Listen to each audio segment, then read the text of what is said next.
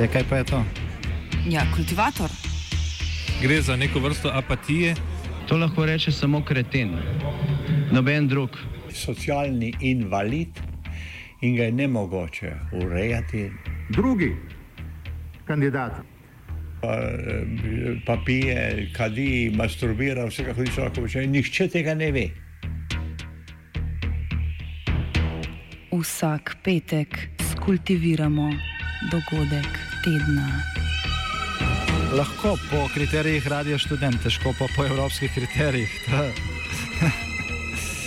Ampak na drug način, kot vi to mislite. Kultivator vedno užge. Da pač nekdo sploh omenja probleme, ki so, in da pravzaprav sploh nekdo sproži dogajanje uh, v družbi. To drži, drži.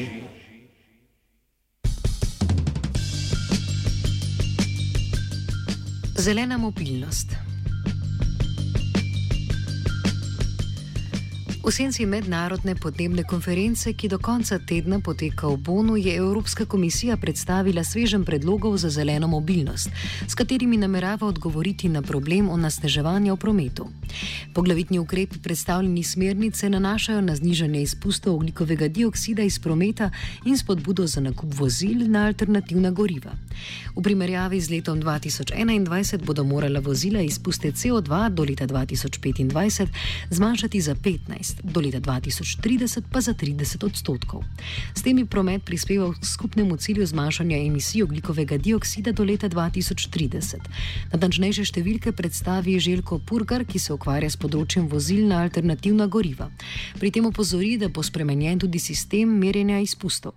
Gre za številke, ki so povezani z uh, omejevanjem izpusta uh, uh, novih uh, avtomobilov in sicer uh, nekako preračunano, že po tistem, kar so napovedali, bi morali v, v poprečju avtomobilski proizvajalci leta 2025 doseči za svoje, svoja vozila poprečen izpust 85 gramov CO2 na kilometr.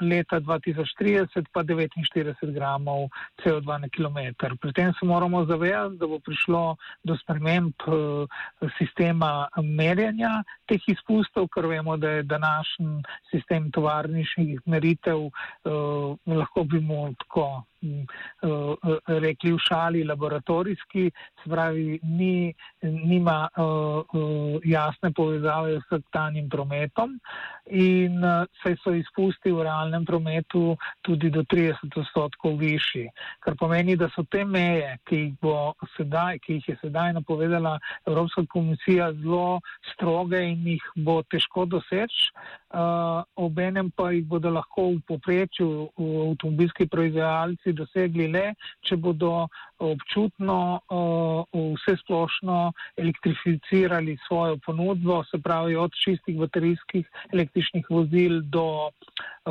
do priključnih hibridov in ostalih stopenj elektrifikacije, po drugi strani pa bo marsikateri proizvajalec posegel tudi po vozilih na druge alternativne energente. Vemo, da so to še vodik, zemljski plin, tekočine zemljski plin, med alternativne energente pa sodijo tudi biogoriva in pa tudi tekočine naftni plin.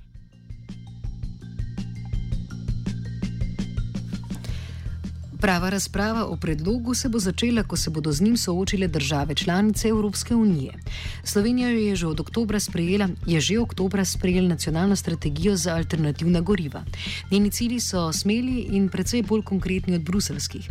Med tistimi najbolj izstopajočimi pa je zagotovo ta, da po letu 2030 ne bo več dovoljena prva registracija avtomobilov z notranjim izgorevanjem na benzin ali dizel. V tem času naj bi se zgodil premik k vozilom na alternativna goriva po načrtu načrtih vlade oziroma pristojnega ministrstva za infrastrukturo bodo leta 2030 med osebnimi vozili vsaj 200 tisoč oziroma 17 odstotkov električnih oziroma priključnih hibridov. Podobno kot Evropska unija, tudi Slovenija pri tem zasleduje širše cilje. Pojasni Bojan Žlender z Ministrstva za infrastrukturo.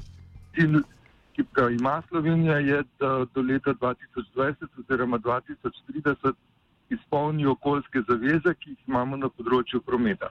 To je zmanjšanje ogličnega vtisa oziroma količine toplogrednih plinov. Ne, če naredimo sam grobo primerjavo, Slovenija mora do leta 2020 za 9 odstotkov zmanjšati uh, količino toplogrednih plinov glede na leto 2008 in še potem leta 30 še doda za dodatnih 6, ne, skupaj za 15 odstotkov glede na 2008. In vsi in cilji v strategiji in vsi ukrepi so naravnani tako, da bi to lahko dosegli. Zdaj uh, imamo štiri oziroma pet energentov ne, na področju uh, alternativnih virov energije, električna energija, elektrika kot ocenjeno najbolj pomemben v tem trenutku vir, ki lahko prispeva k tem zmanjšanju Vprašanje je, koliko so to lahko vodikove tehnologije, ker je spet elektrika pogon, ne? ampak seveda vodik kot uh, način pa gorivne celice, kot način pridobivanja elektrike. In potem imamo tri vrste plina, uh, utekočinjen naftni plin, stisnen zemljski plin, pa utekočinjen zemljski plin, ki je predvsem za tovorna vozila. Uh, resna alternativa ta trenutek dizlov. No. Tako da uh, ukrepi so potem razdeljeni na te energente in so usmerjeni na dve glavni področji. Eno je polnilna infrastruktura, za katero je v tem trenutku naša ocena najbolj nujno zagotavljati sredstva in uh, dodatne spodbude, da se bo postavila. Drugo je pa, da se seveda za vsaka od teh uh, energentov delajo spodbude za vozila. Slovenska strategija se osredotoča predvsem na vzpostavitev infrastrukture za uporabo in spodbude za nakup vozil na alternativna goriva, medtem ko predlogi Evropske komisije, kot pojasnjuje sogovorec, zajemajo širše področje. Strategija, ki je sprejela Slovenija pred mesecem dni, se navezuje na en del tega svežnja, ki ga je sprejela eh, Evropska komisija. Uh, strategija slovenska pač se navezuje na vzpostavitev infrastrukture za alternativne energente v prometu in pospeševanje prodaje vozil na te alternativne energente. Ta mobilnostni svežen, ali kako bi ga poimenovali, pa je zastavljen širše, seveda pa tudi na tem področju alternativnih uh, goriv postavlja nekašna uh, strožja merila ali pa uh, ambicioznejše cilje. No.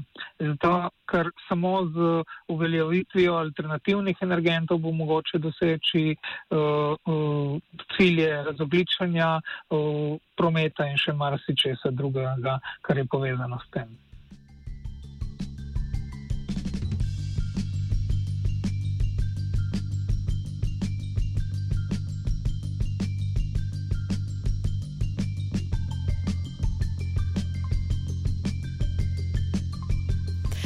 V laboratoriju za motorje z notranjim izgorevanjem in elektromobilnost na fakulteti za strojništvo so za delo ocenili, da bo željeni ekološki učinek mogoče doseči le z dovolj velikim deležem vozil na alternativna goriva. To pa je po njihovem mnenju odvisno tudi od kupne moči prebivalstva. Burgar meni, da je to morda težava v tem trenutku, že čez nekaj let pa bodo to vrstni avtomobili konkurenčni tistim na benzinski ali dizelski pogon kar nekaj raziskav, ki napovedujejo, da naj bi tam v letih 2022-2023 bila cena avtomobila praktično enaka, ne glede na energent, ki ga bo vozilo zahtevalo. To bomo še videli, če bo trg se resnično razvil in tehnologija v tej smeri, ampak nekako z, z večanjem obsega proizvodnje teh vozil, pa tudi z novimi tehnologijami in spoznavanjem teh tehnologij v vsakdanjem poslu je mogoče to pričakovati.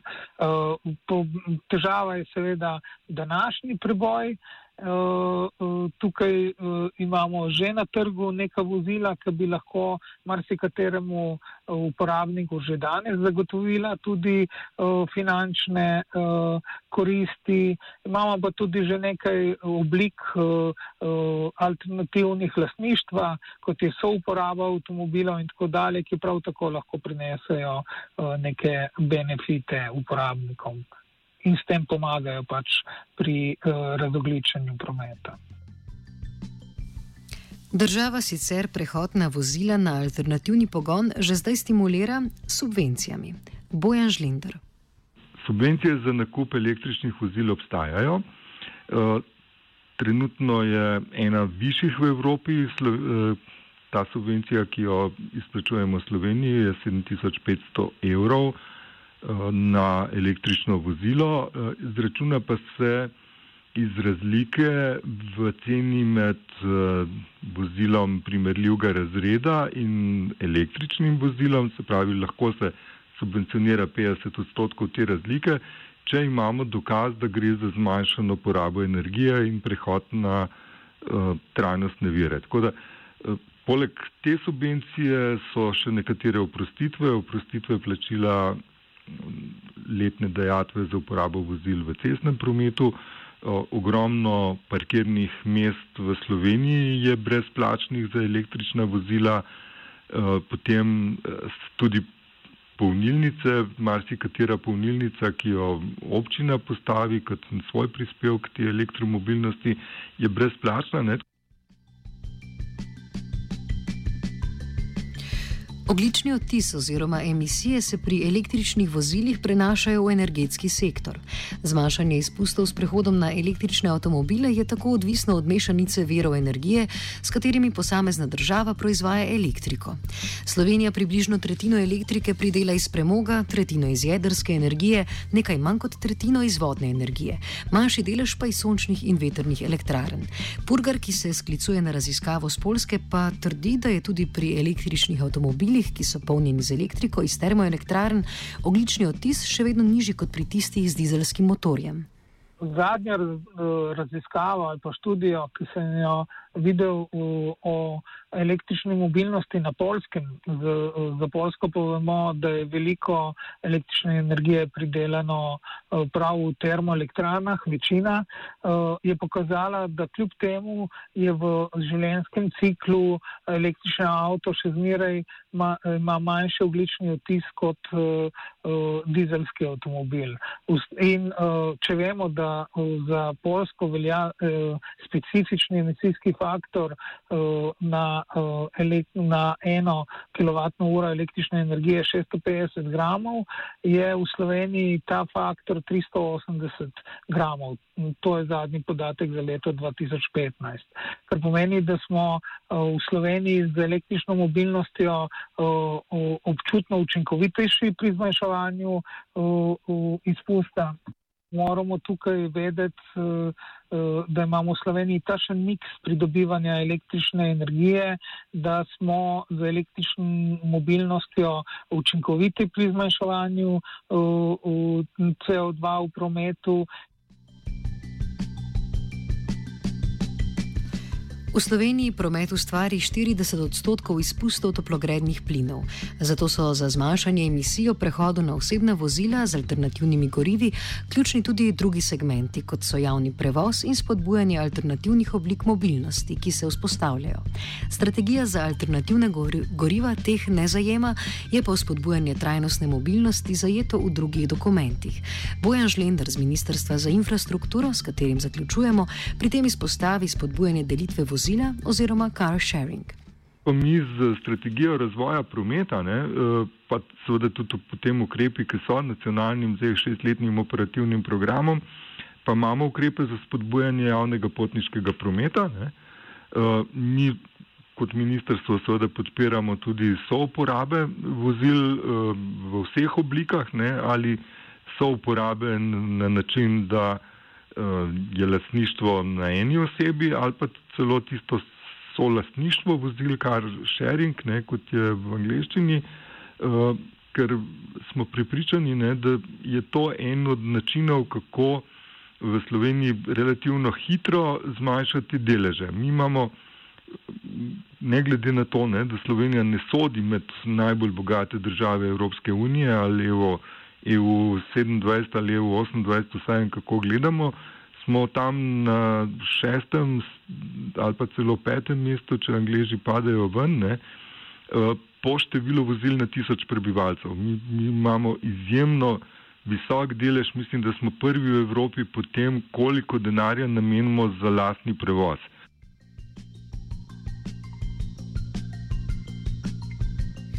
Kultiviral je Marcin.